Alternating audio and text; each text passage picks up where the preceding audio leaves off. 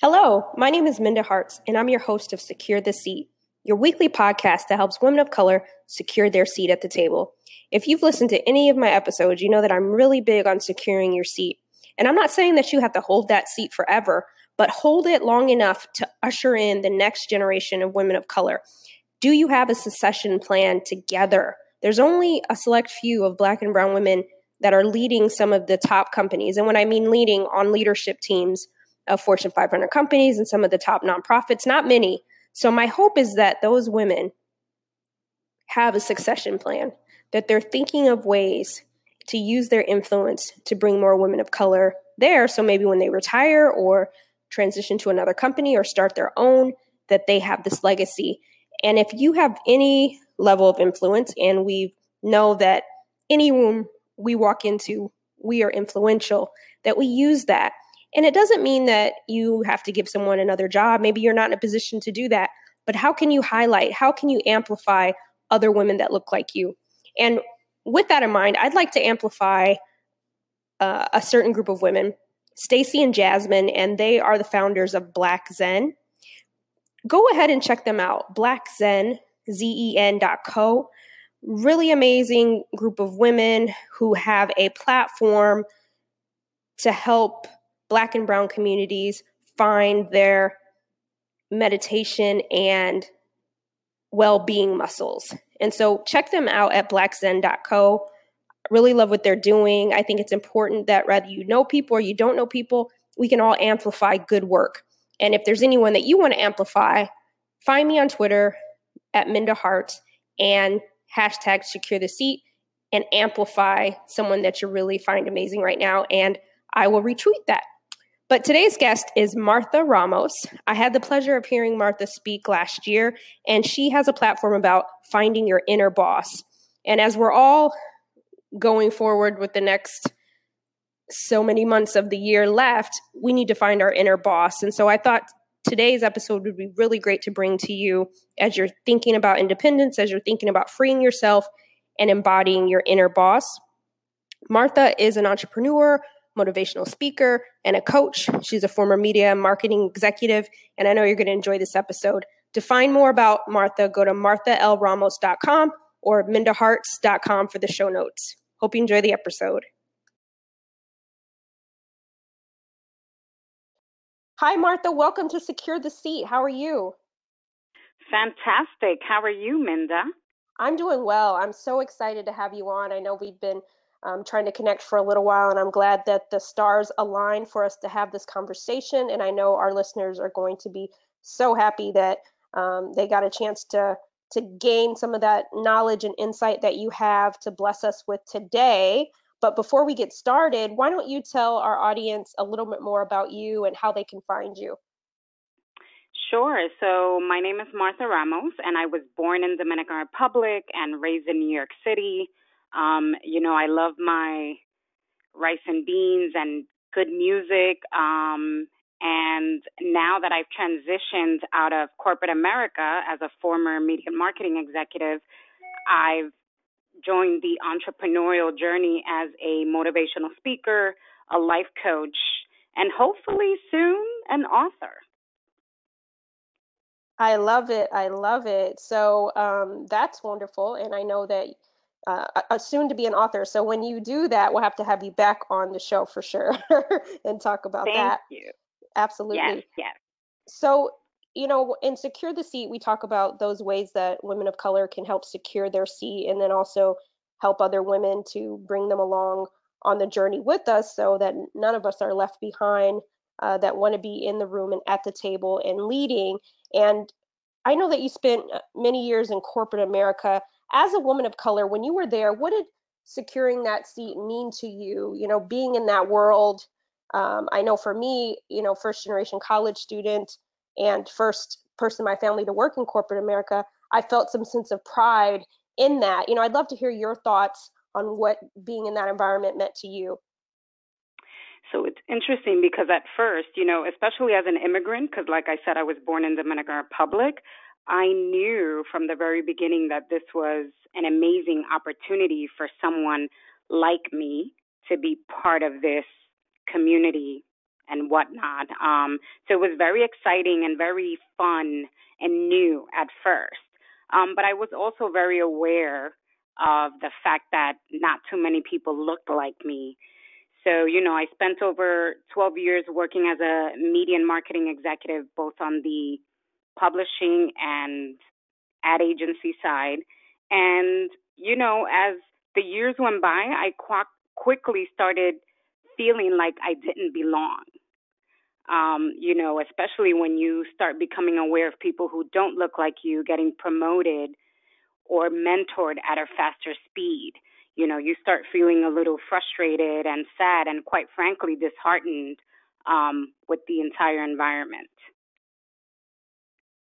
Absolutely. All of those things are real. It's like um, I liken it to is it uh, Hyde and Jekyll? You know, you feel one moment one way one moment and then another uh, depending on where what time of the day it is. Uh, so it's definitely a wide range of emotions. I know that you um, we've talked about it before, but you transitioned out of corporate America because of a layoff for those listening, I know there's women out there who may um, be in in transition currently right now, um, and sometimes it comes unexpectedly. You know, what advice would you have for them on how to chart a new course? So my advice would be to just take a moment and be still, right, and and really do some self reflection in terms of who you are, what your values are, what do you want, what you don't want. A lot of times we focus so much on what we want that we don't take time to actually sit and realize those things that we're not willing to, how should I say this, like stand for. So I just say, you know, really take a moment, be still, and just do some inner work to try to get you aligned in terms of who you are at the core. And then that's going to help you make informed choices that work best for you as you move forward in terms of whether it's career transition, etc. No, that's really important. I think what I hear you say too is maybe you can expound upon it a little bit, but one's mindset is so important. Would you agree? Oh my God, mindset is everything.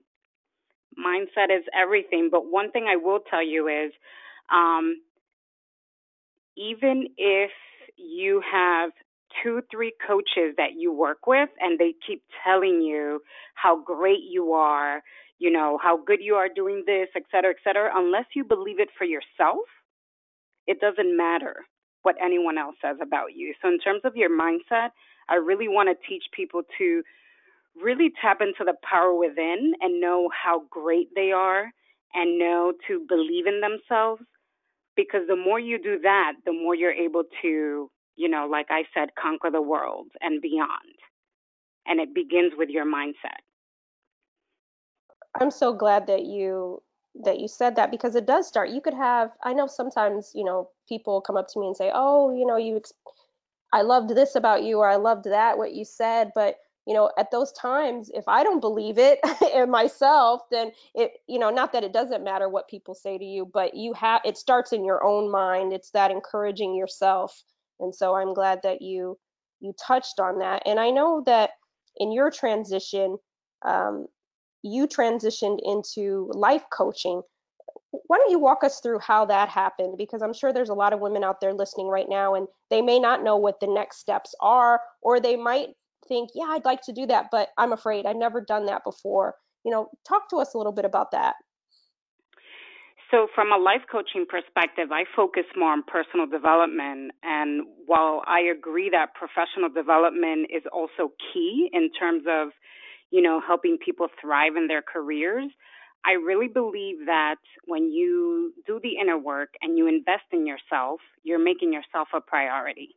And it's like the whole airplane mask um how do we say this metaphor? It's like you put on your mask first and then you take care of everyone else. I feel that a lot of times as a woman of color we're taught to take care of everyone else in our lives but forget about who we are. And one of the things that i learned working in corporate america is that the more i focused solely on my career and thriving the more i lost sense of self. And as the years went by, I didn't know who I was anymore. So when I decided to do the transition, I was like, yes, I'm great in terms of business coaching, marketing, etc., but I really want to help people align with who they are at the core and work on themselves and make themselves a priority so then they can go ahead and thrive in all areas of their lives, not just career. So I really want to help people embrace who they are, right? Like I feel like authenticity is key. It's all about being in alignment with who you are at the core in order to help thrive in every area of your life. So that is why I focus more on the life coaching aspect because at the end of the day, I just want to help people win. I just want to see people succeed in all areas.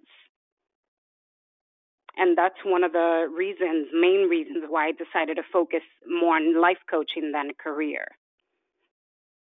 Well, I'm glad that you did that because we need people like you who understand what it's like to be in situations where they're where we are the only ones, where we're maybe not um, respected or being uh, advanced as we should, and how to help us get our life back on balance. And I've used a lot of career coaches, and um, more recently, in the last year, I started um, utilizing the resources of life coaches. And so I would encourage everyone out there to um, to to get one. And Martha is one, so you can we'll tell you how to connect with her afterwards. But um, they do. We need to look at ourselves from a holistic standpoint, um, and I, I think that's what you're saying as well, right?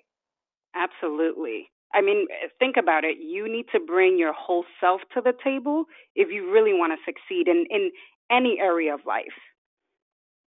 It's just being able to bring your whole self to the table. That's right. And we can't do it alone. We we need a team to help us do that and help us guide get to um, living our best lives, whatever that means for us. So that's wonderful advice. And that leads me to another thought. I've heard you say that we should embrace our inner boss and define success on our terms. Why is that important and how do we do that?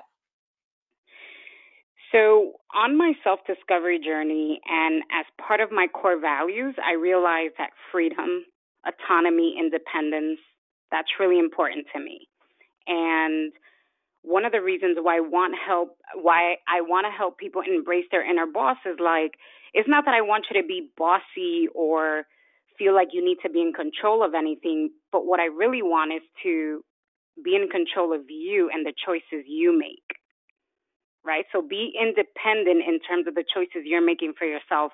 A lot of times I go, especially to universities, and I speak on panels, and all I hear is kids saying, Oh, but my parents want me to study this. That's not really where my heart is. I don't know what to do. And I'm like, do what you want to do tap into your inner boss and do what you want to do for yourself. And respectfully tell your parents or whoever, I appreciate your opinions and expectations of me, but this is what I want to do. And that's really you showing your inner boss, like embracing who you are and then defining success on your terms.